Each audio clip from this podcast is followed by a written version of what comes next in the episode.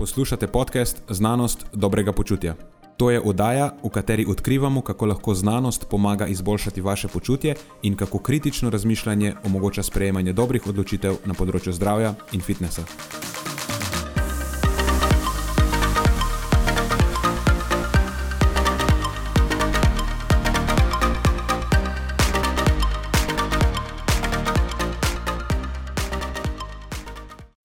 Pozdravljeni, z vami smo Nenad in moj sovoditelj Matjaš. V tokratni epizodi se v uvodu najprej pogovarjava o mojem obisku Münchna in o fenomenu slovenskega športa, ki se po rezultatih, glede na število prebivalcev, dosledno uvršča v vrh pri številnih različnih disciplinah. V srednjem delu epizode pa odgovarjava na vprašanja o posebni metodi treninga, imenovani Blood Flow Restriction Training, oziroma po slovensko trening z okluzijo, in o tem, katera dieta oziroma pristop je najboljši za izgubo maščobe. Preden začnemo, pa se moram zahvaliti še našim sponzorjem. Zaenkrat to še vedno ni velika korporacija, temveč zvesti poslušalci, ki nam izkazujete zaupanje in podporo s prijavo v našo člansko skupino Znanost dobrega počutja. Hvala vsem, ki s tem držite luči prižgane in omogočate podkastu, da raste in postaja še bolj kakovosten. Hvala tudi vsem, ki nas podpirate s pozitivnimi komentarji in visokimi ocenami, ter s tem, da priporočate podcast svojim znancem in prijateljem. Zdaj pa je končno čas za začetek epizode. Uživajte ob poslušanju.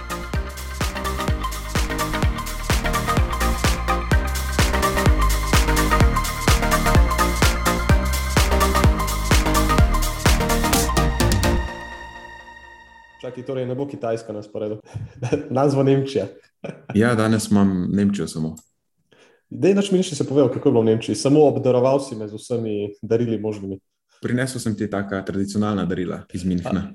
Prinesel si jih, eh, nekaterih ni več, moram priznati. Pa brez skrbi, ni alkohol tisti, ki je izginil prvi, ampak uh, oglikovi hidrati so tisti, ki so prvi izginili. Tale uh, magen brod je fantastičen. Se sploh ne vem, kaj to je ta magenbrod. To so kaj neki medenjaki, taki ja, postni medenjaki. Ja, taki medenjaki, pa izjemno mehki, so, eh, taki res so fini po teksturi. Eh, medenjaki znajo biti sicer tako malo bolj eh, trdi, ne, kako bi ti rekel, ampak te so pa res eh, fantastični. So. In to, kar imam jaz najraje, da so malo bolj low fat, pa, pa high carb, jih zlahka umestim okoli treninga in podobno. E, ta magenbrod so mi rekli, da se pripravlja ob teh festivnih priložnostih, kaj so to slavnostne? Mislim, da lahko rečemo slavnostne priložnosti, razna praznovanja in podobno. Tako je. Ja. Tako kot je recimo ta Oktoberfest in potem po teh, niso štandi, ampak ti, ja, štandi ali pa neki vozički s, to, s temi mhm. sladkarijami, kjer imajo potem one kandirane mandlje, pa take stvari, pa tiste sladkorne, take dolge sladkorne zadeve prodajajo. Pa mhm, potem tudi ta mhm. magenbrod imajo, pa razne medenjake in take stvari. Uh, Eh, tako da, ja, je to tudi, pri, eh, ko je Oktoberfest, je to ena izmed tradicionalnih sladic. Tokrat je pa kaj Oktoberfest potekal v neki bolj uh, modificirani obliki, ali ga sploh ni bilo? Uradno je bil odpovedan, ampak se bavarci ne dajo motiti. Ja, ja, ja, to si mi rekel, ja, bavarci se ne motijo. In, uh, in ja, žurka. razlog, zakaj se lahko ne dajo motiti, je tudi ta, ker so precej dosledni pri upoštevanju um, raznih ukrepov. To, to mi je zanimivo. Zdaj se lahko ti povem malo o Münchnu na splošno, kako je bilo. Uh -huh, uh, jaz imam z Münchnom en tak poseben, bi te moral reči, sentimentalen odnos. Uh, kot otrok sem bil pogosto tam, pa imam lepe spomine na to mesto. Um, tako zanimivo mi je, ne, Nemci drugače veljajo za en tak bolj siv ali pa oster narod, ampak meni se je München zdel vedno kot bolj tako cheerful, eh, veselo mesto. Ne vem, mogoče zato, ker so bavarci drugačni, nimam pojma, a mogoče pa sem samo jaz pristranski in je to čist moje subjektivno in zmotno mnenje o Minhnu in o bavarcih. Um, ampak v vsakem primeru uh, ponovno se vračam z občutkom, da so Minhenčani, a so Minhenčani, prebivalci Minhna. Dajmo reči, da so. Jaz sem okay. Benkšan, oni so Minčani, mislim, da so ujema dobro. ja, meni se zdi, da so zelo nemško pragmatični, ampak še vedno tako eh, pozitivno miselno nastavljeni. In zdaj v tem primeru je bil za me obisk Minhna uh, še z enega vidika zelo zanimiva izkušnja, ker sem bil tam prvič po tej celi korona zadevi in to v času, ko se vemo, stvar še vedno traja. Uh, še vedno veljajo določene omejitve, morajo se spoštovati zaščitni ukrepi. Zdaj drži, da sem bil tam samo nekaj dni, ampak sem v teh nekaj dnevih res dobil občutek, da, um, da se ljudje tam na vse skupaj odzivajo, da jim temu reči, precej drugače, kot se na to odzivamo ali pa odzivajo pri nas. Uh, ne komplicirajo, kar se tiče ukrepov, ki tam veljajo. Uh, tudi pri njih imajo nekaj podobnega tem PCT kriterijem kot pri nas kamorkoli greš, potrebuješ infpas, temu rečejo, pač certifikat o cepljenju um, ali pa ne, test. Ni, nisem na, videl nobene izjeme, v bistvu so zelo dosledni pri tem. Nihče ne komplicira zaradi tega, ni bilo nobenih protestov in stvar pre, poteka precej elegantno. Zanimivo je, da na vsakem koraku do besedno se lahko testiraš. Tako hodim po ulici, tako da bi hodil po, po slovenski v Ljubljani in je tam en štand, kjer testirajo in lahko upraviš test. Eh, sicer ne vem, če je zaplačati ali ne, nisem preverjal, ker sem z veseljem ukazal svoj infpas. Eh, ampak kakorkoli pravim, noben ne komplicira, eh, zelo jih nadzorujejo, rečemo temu, pa vseeno ni noben paranoičen. Imajo eno aplikacijo in kamorkoli greš na kakršno koli večje javno zbiranje, moraš aktivirati svoj vstop, oziroma pač čekirati se moraš in traja dve uri, in po dveh urah se moraš znova čekirati ali zapustiti dogodek, in potem, ko ga dejansko zapustiš, moraš se odčekirati. In tudi to poteka precej eh, elegantno. In se mi zdi, da na ta račun potem živijo precej normalno življenje, eh, ne, ker ne komplicirajo. Tako kot smo že prej rekli, Oktoberfest je bil sicer odpovedan, ampak lokalna praznovanja potekajo in to kar dobro potekajo po teh njihovih, da rečejo, birgartnih, kaj so to pivski vrtovi, pa pivnice, pa tako dalje. Zadeve so bile, sploh un dan, ki se je začelo, to je bila sobota, se mi zdi, so, so bile stvari nabito polne. In vsaj ob obisku teh prireditev si dobil občutek, da play.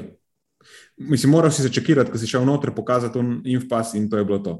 In potem si imel občutek, da, da je vse čisto normalno. Bili smo tam, kar sredine, enem gor na drugem,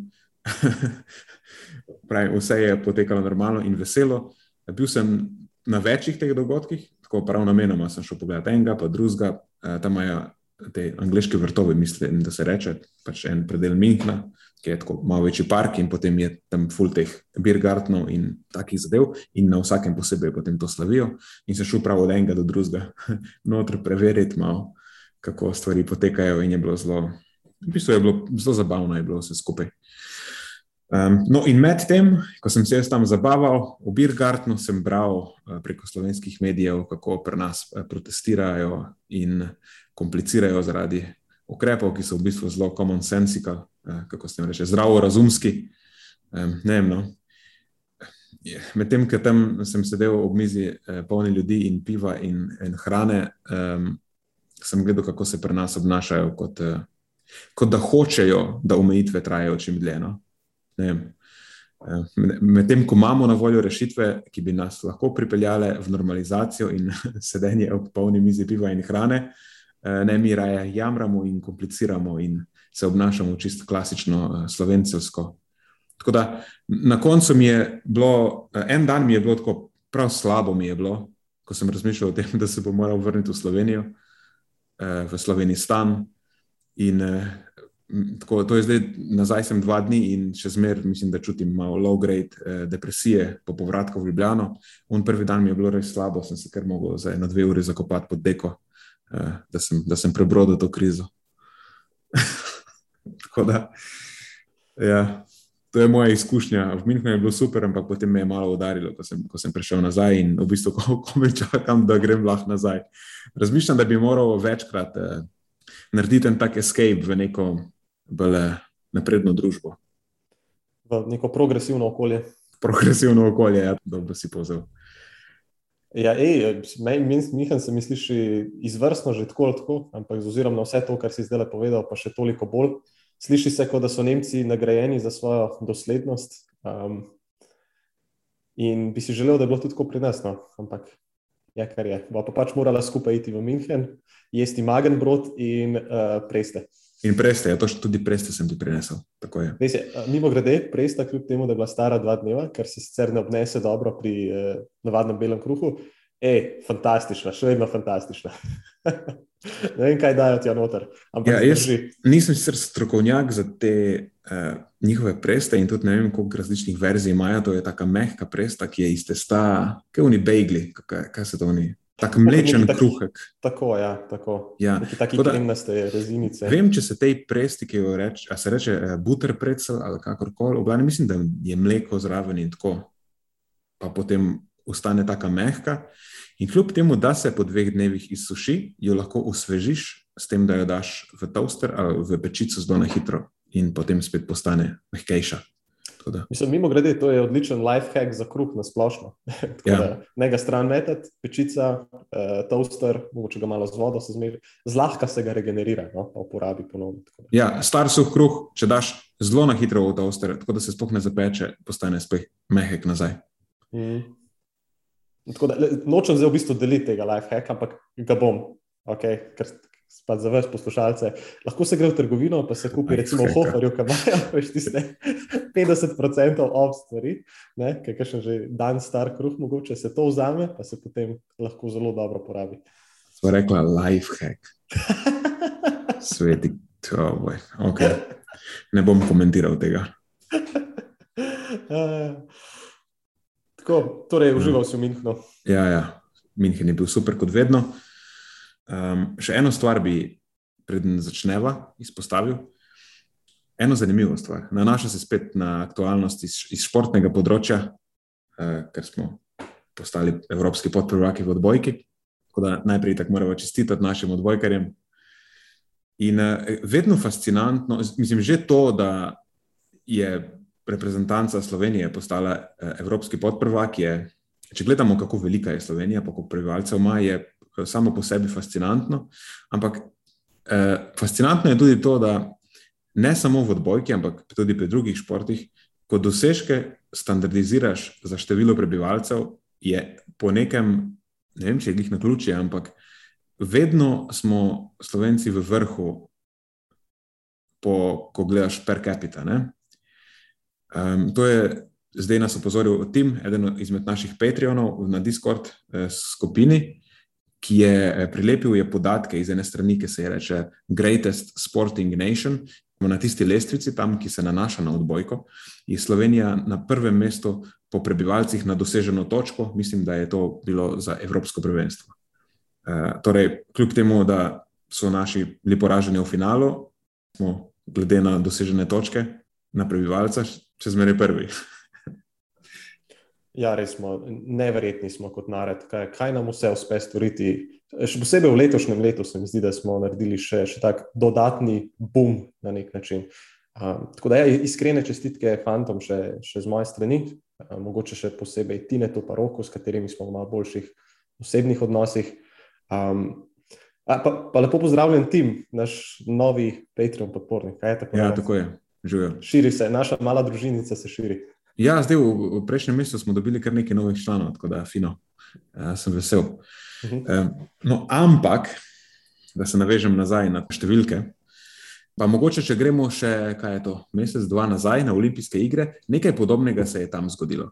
In sem potem šel preveriti podatke na statista.com, to je uh, ta ena znana številka, ena v svetovnem merilu, business data platform, kako je to, poslovna podatkovna platforma. In če tam pogledaš podatke za usvojene medalje per capita, spet standardizirano za število prebivalcev teh držav, je tudi tam Slovenija na uh, zelo zavidljivem sedmem mestu. Usvojili smo skupno sicer pet medalj, ampak za vsako medaljo smo potrebovali 420 dobrih, 420 tisoč prebivalcev. Zdaj, na tem seznamu je na prvem mestu San Marino, pa eh, potem sledi Bermuda, Grenada, Bahami, Nova Zelandija, uh, Jamajka, potem je Slovenija, imamo Fidži še, Nizozemsko na devetem mestu, pa Mačarska je deseta. In potem po drugi strani so pa večje države, recimo ZDA, ki je bila prva po številu osvojenih medalj, 113 so jih osvojili, šele na 60. mestu Ne, za vsako medaljo so potrebovali skoraj 3 milijone prebivalcev. In mislim, da je bila celo zadnja Kitajska, ki je bila potem druga po številu osvojenih medalj, ampak je potrebovala za eno medaljo slabih 16 milijonov prebivalcev. Ampak, ko gledam te podatke, se jaz uh, vedno vprašam, ali smo zdaj, ali smo Slovenci res nek uh, posebno športno nadarjen narod zaradi tega, ali gre tukaj za neko, kako bi temu rekli, statistično iluzijo. Ker manjši vzorec kot imaš, potem potrebuješ samo par outlierjev, a veš, da ti to povprečje ful izboljšajo. Eh, ker težko bi rekel, recimo, da je San Marino ali pa Bermuda ali pa Fiji, da so to neki zelo športni narodi. Ampak imajo pa mogoče enega ali pa dva outlierja. Vem, da San Marino ima neka dva streljca, ki pač ona dva, če usvojita medalje, ali to je tako, une tri medalje si lahko vseh šest uh, prebivalcev San Marina tako podaja, a veš, lahko vsi malo nosijo, malo en, malo drug. Mislim, šalim se. Samo pri Kitajski se to ful teže zgodi, ali pa v ZDA.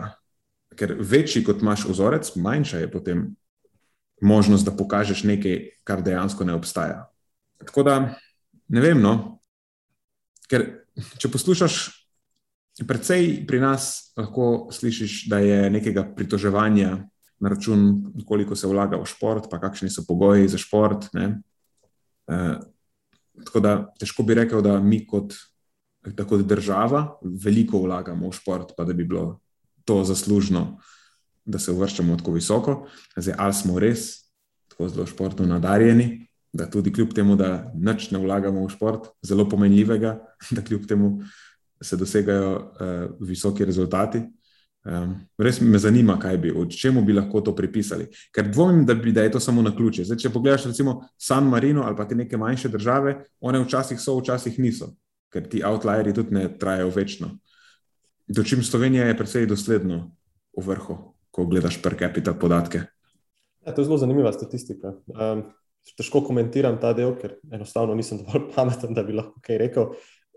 Si pa predstavljam, oziroma bi si želel videti, koliko bi lahko bili še boljši, če bi pa dejansko še, še več vlagali na nekaterih naslovih.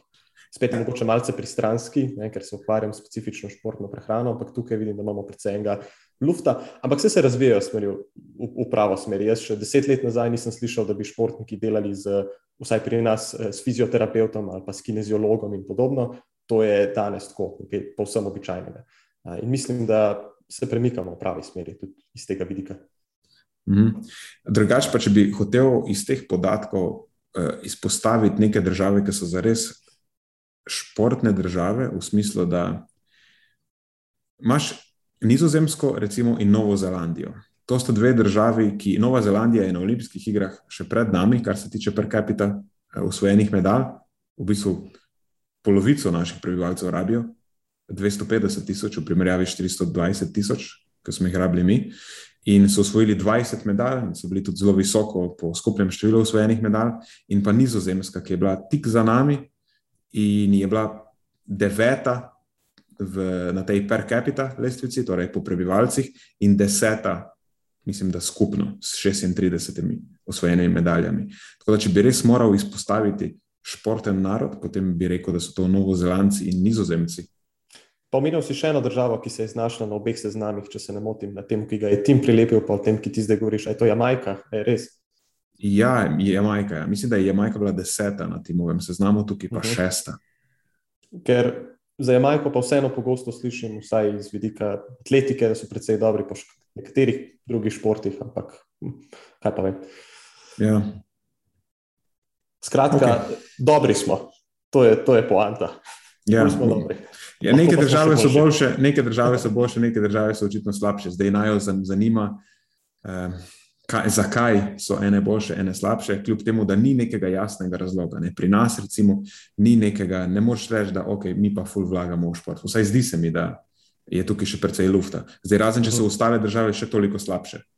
Ampak dvomim, ker če pogledaš Kitajsko, Sam, ok, tam imaš res veliko vzorec. Oni izjemno dosti vlagajo v šport, ki jim to predstavlja na nek način, kako se lahko pozicionirajo tudi kot svetovna vele sila.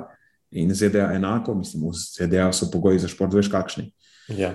Uh, pa kljub temu seji dosežejo veliko število medalj, pa so prvi po številu skupno osvojenih medalj, ampak še zmeraj rabijo 3 ali pa 16 milijonov za eno medaljo. Ja, kar je precejšna razlika.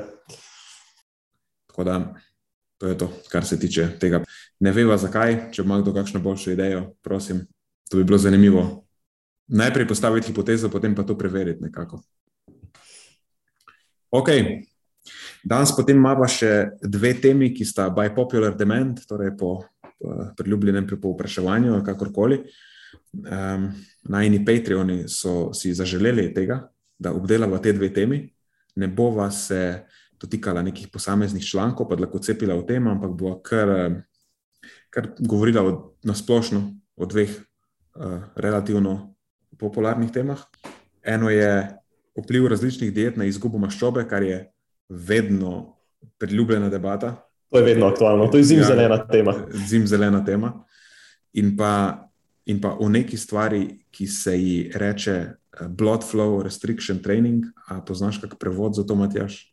Uh, ja, najboljši prevod, ki sem ga našel, je trening s okluzijo in to se dejansko tudi najde v kakšnih diplomskih delih.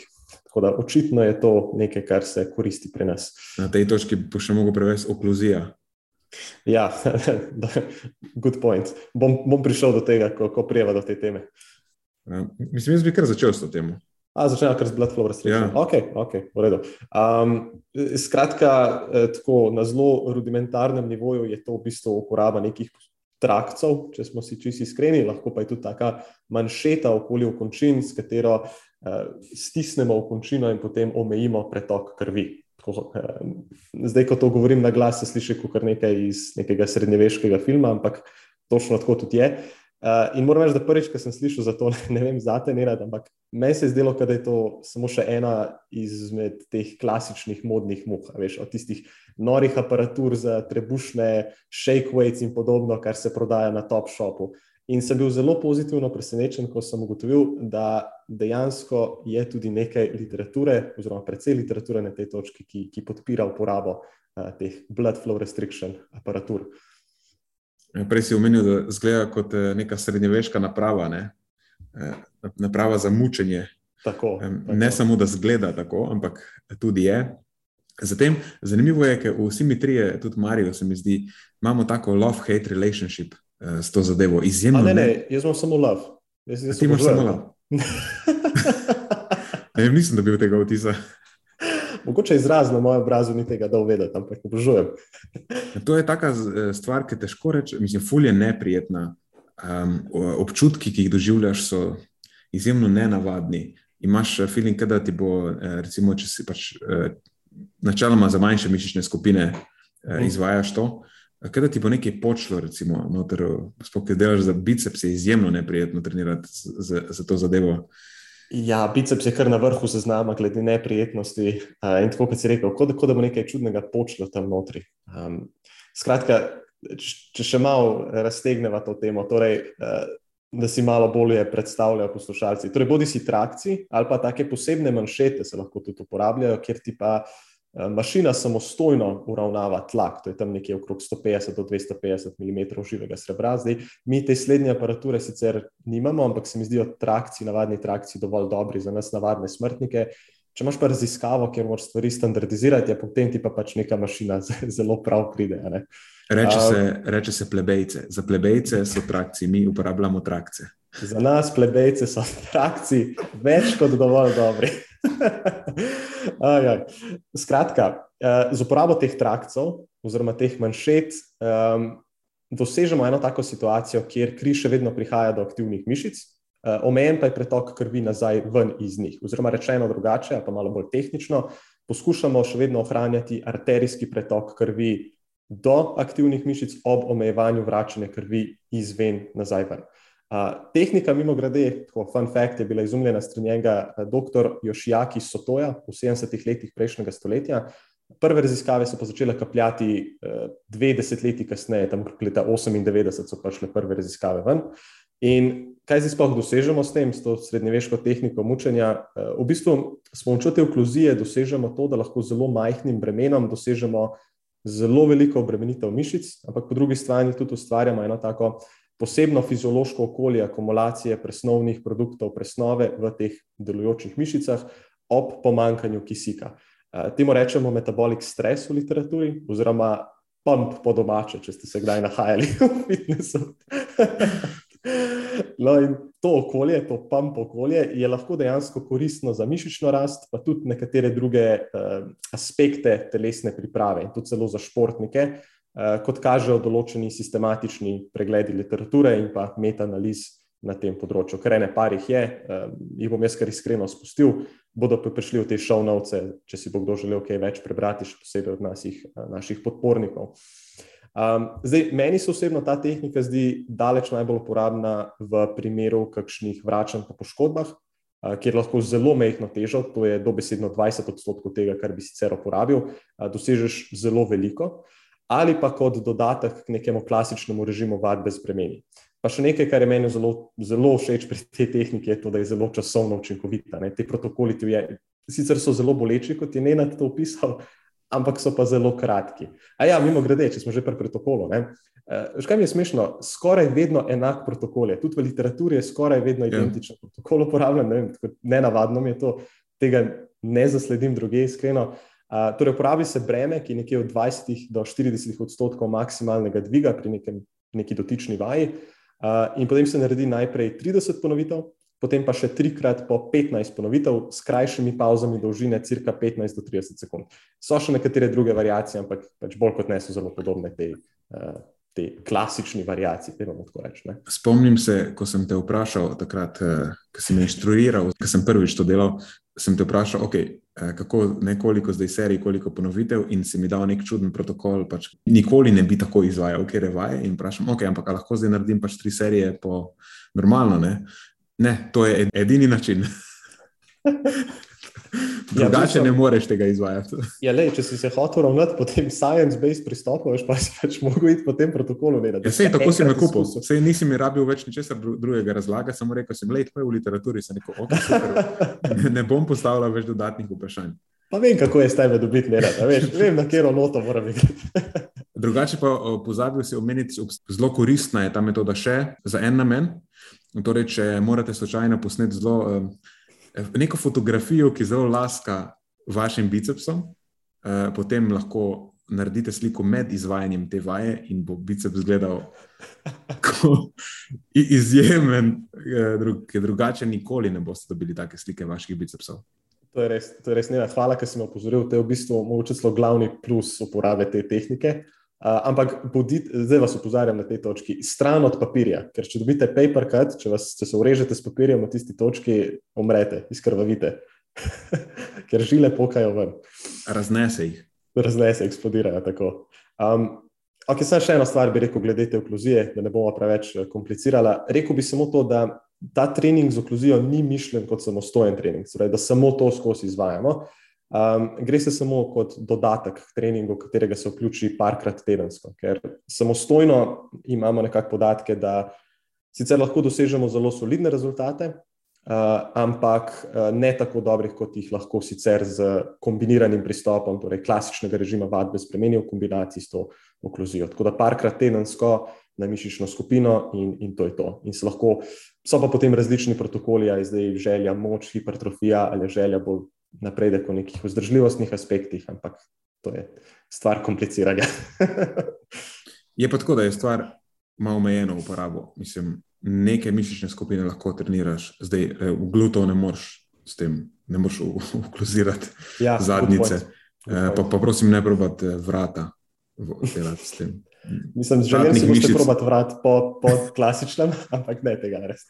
Ja, prosim, absolutno ne tega delati, ker, ker je nevarno.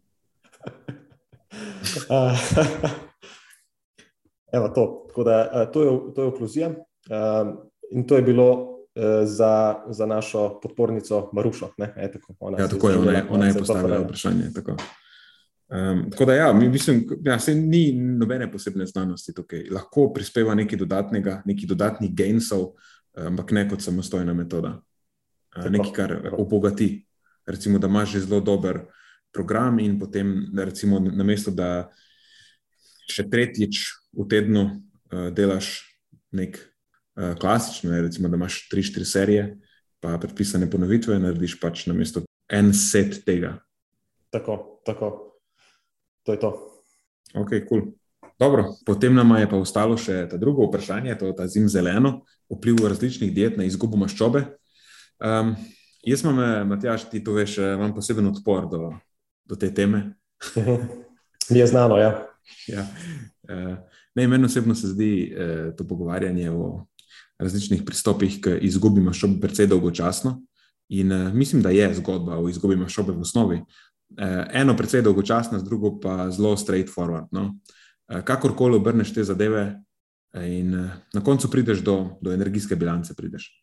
In sprememba v telesni masi se lahko zgodi samo in edino kot posledica razlike med zaužito in porabljeno energijo. Dejansko telesna masa je skladiščena energija. To je tako zakon vesolja. Telesna masa je telesna zaloga energije.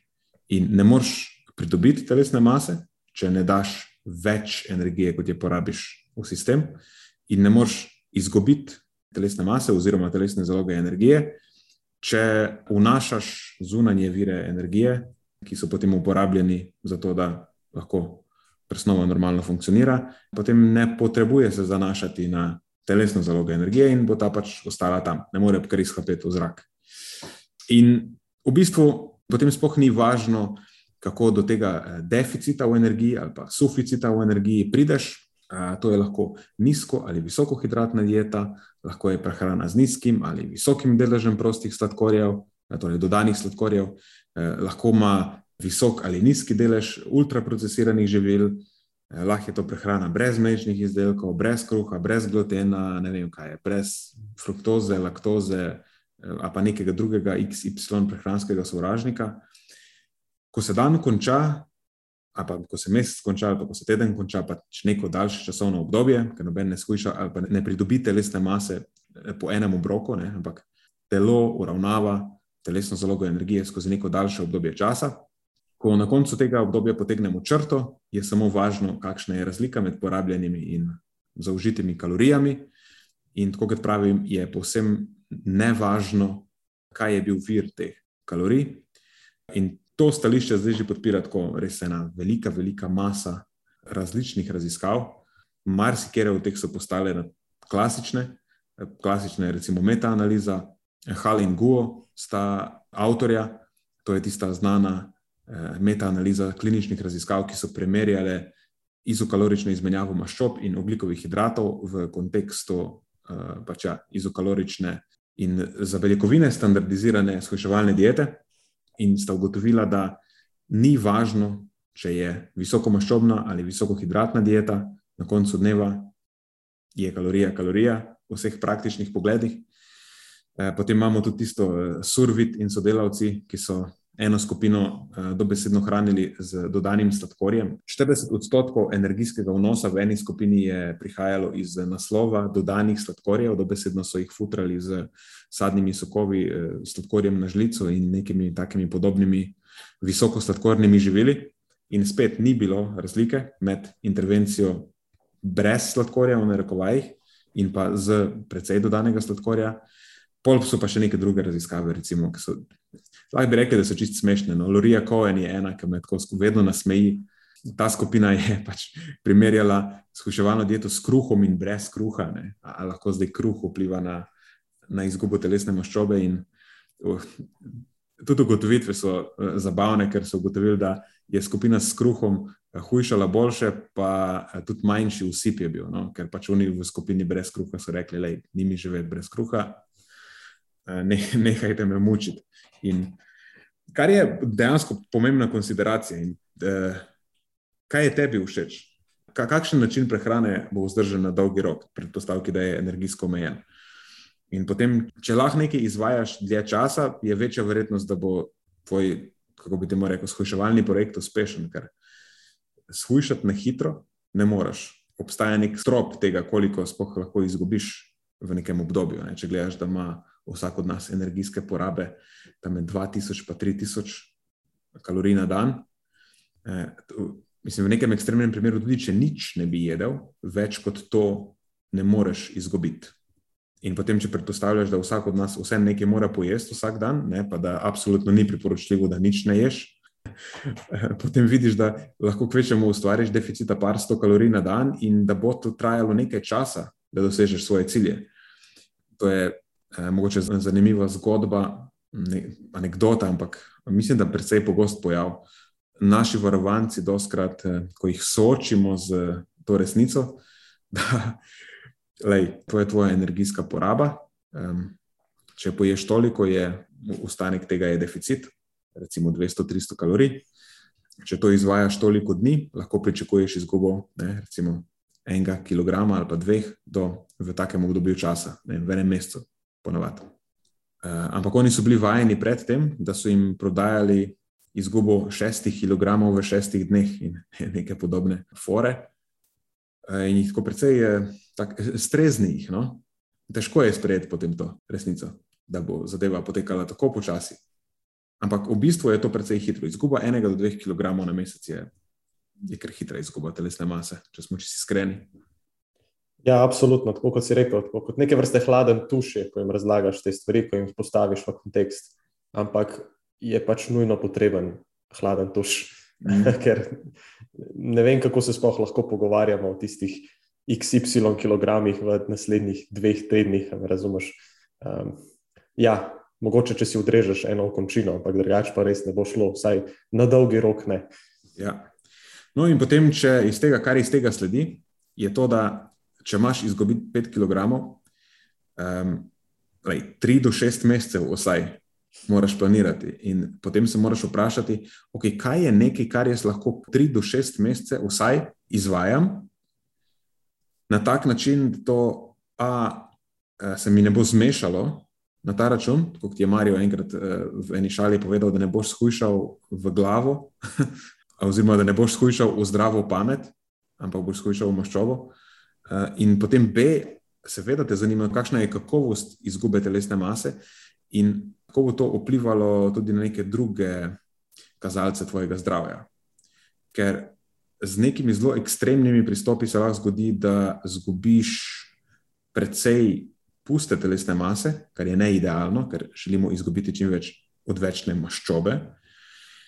In pa kar se še lahko zgodi, je to, da zadeva negativno vpliva na tvoje zdravje.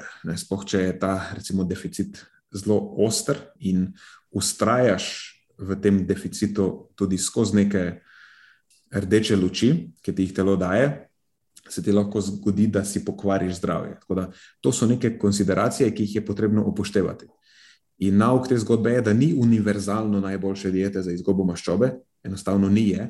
Tudi če bi čist robotsko rekli, da to je neko razmerje makrohranil in ne vem česa, ki bo optimiziralo izgubo maščobe in pomagalo ohraniti pusto telesno maso, še zmeraj je potem vprašanje, ali lahko to izvajaš na dolg rok, tako da ne ogroziš svoje zdrave pameti in zdravja s tem. Ne? Tako da ne moramo se sam pogovarjati o izgubi maščobe, ker izguba maščobe ni najpomembnejša stvar na svetu.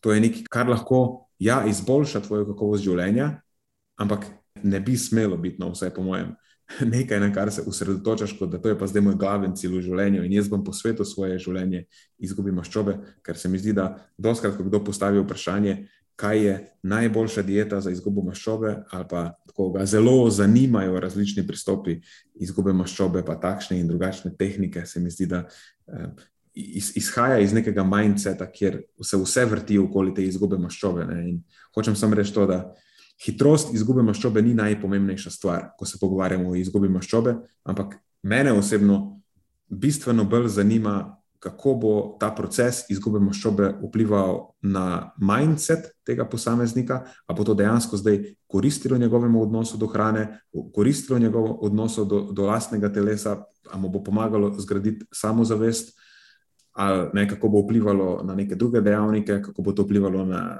socialne interakcije ali bo še zmeraj lahko precej telesno dejaven, ob tem, da vseeno zdržuje nek energijski primankljaj.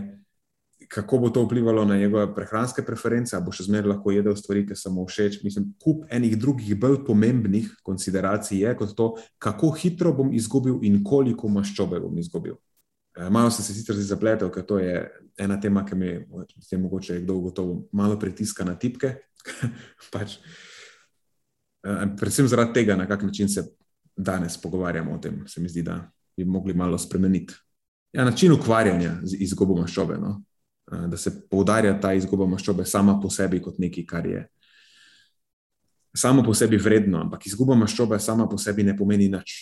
Treba se vprašati, kako se zdaj ta izguba maščobe vklopi v kontekst tvojega življenja in kaj ti da in kaj lahko potencialno izgubiš na ta račun. In to so potem tiste konsideracije, ki določajo, kera eh, dieta ali pa kjer pristop bo zate najboljši. Nenad, absolutno se strinjam z vsem, kar si povedal. Um, Mislim, odlično si vse to povzel, tukaj pravzaprav nimam kaj za dodati. Edino, kar bi, bi mogoče še to razširil na še en drug aspekt, da smo se bolj o prehrani pogovarjali. Um, in identičen nauk lahko izpeljeva tudi pri vadbi, ki zelo pogosto slišimo, pa me je spomnilo na ta članek, ki je bil um, tam med favoriti, je skoraj bil enkrat izglasovan. Ne, Uh, v naši Patreon skupini za obdelavo na tem podkastu, in to je, kako intenzivnost vadbe vpliva na izgubo maščobe. Neka metanaliza je bila stila in sodelavcev. Mhm. In spet, popolnoma ista zgodba. To je ni relevantno. Tako ali tako, tudi če bi bila razlika med obema modalitetama, ne visoko intenzivna proti nizko intenzivni, pa kaj.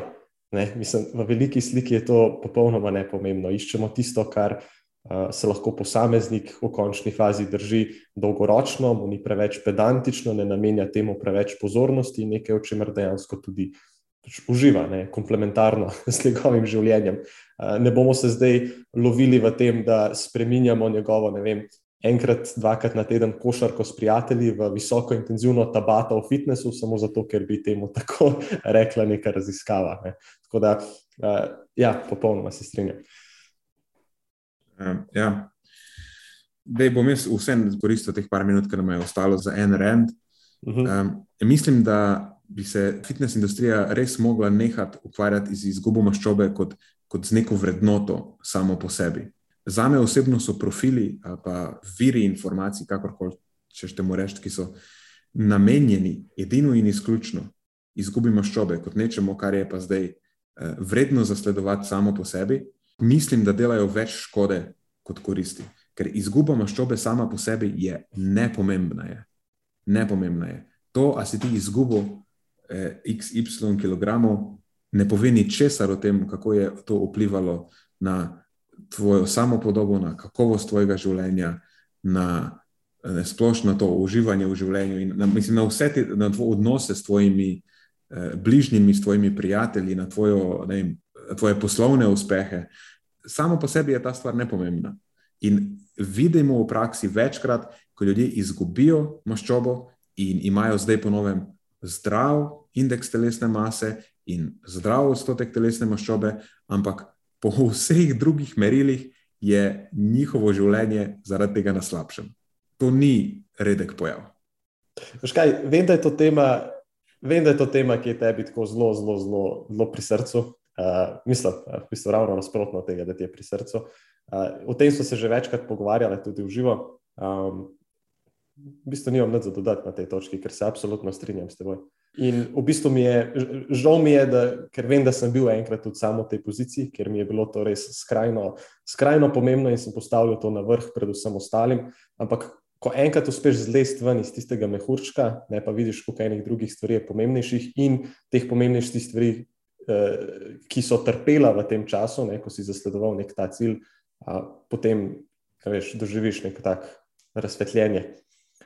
Absolutno se strinjam in to je nekaj, kar mislim, da bi lahko začeli večkrat to poudarjati. Stvari, ki mene osebno najbolj, eh, pa ne morem reči, da me razjezijo, ampak ki ne bi, ne bi želel, da drugi te napake ponavljajo. In, in pol včasih komuniciramo o teh zadevah tako zelo, na, tako zelo vehementno. Ampak izključno zaradi tega, ker sem jaz te napake delal in sem šel skozi to in sem imel tak izprijem pogled na to in vem, koliko škode lahko te stvari povzročajo in samo ne želim, da drugi ljudje te napake za brez veze ponavljajo, ker jim ni treba, ker sem jih že jaz naredil. um, strinjam se. To je tudi nekaj, kar smo se pogovarjali takrat v tisti skupni epizodi naših preteklih napak. Zakaj, kdaj tako komuniciramo o nekih stvareh. Ja, zato, da jih drugi ne ponavljajo. Ne rabite jih ponavljati, mi smo že šli skozi vse to. Ja, ja. In še več. Da, načeloma, načeloma, ko me neka stvar zelo moti, je razlog točno to. Ker sem sam naredil to napako, ker, nas, ker me je nekdo nasral, po domače povedano, in mi gre na živce, da bodo drugi ljudje na strani enako, kot sem bil na strani jaz. In pač se je najbrž čisto normalno, da te moti, da so ljudje podli in da bodo nasrali neko število ljudi za svojo korist. In si pa pač jezen. Meni se to zdi čisto človeško. Ja, če, če, si, če si dober človek. si ne bi šel tako daleč. Če ti je mar, če ti je mar, zase, za druge. Ja, ne vem. Ok, a so to mi dva pripeljala zadevo do konca? Uh, mislim, da smo, ja. Mislim, da smo. Odlično. To je za tokrat vse iz naše strani. Hvala, ker ste poslušali do konca. Delite epizodo s svojimi znanci in prijatelji in jo priporočajte dalje, saj s tem omogočite, da sporočilo znanost dobrega počutja doseže čim večjo množico. Hvala vsem, ki nas podpirate s članarino in tudi vsem ostalim, ki delite podcast dalje in nam izkazujete naklonjenost z visokimi ocenami in pozitivnimi komentarji. Se slišimo prihodnjič, do takrat pa ostanite premišljeni.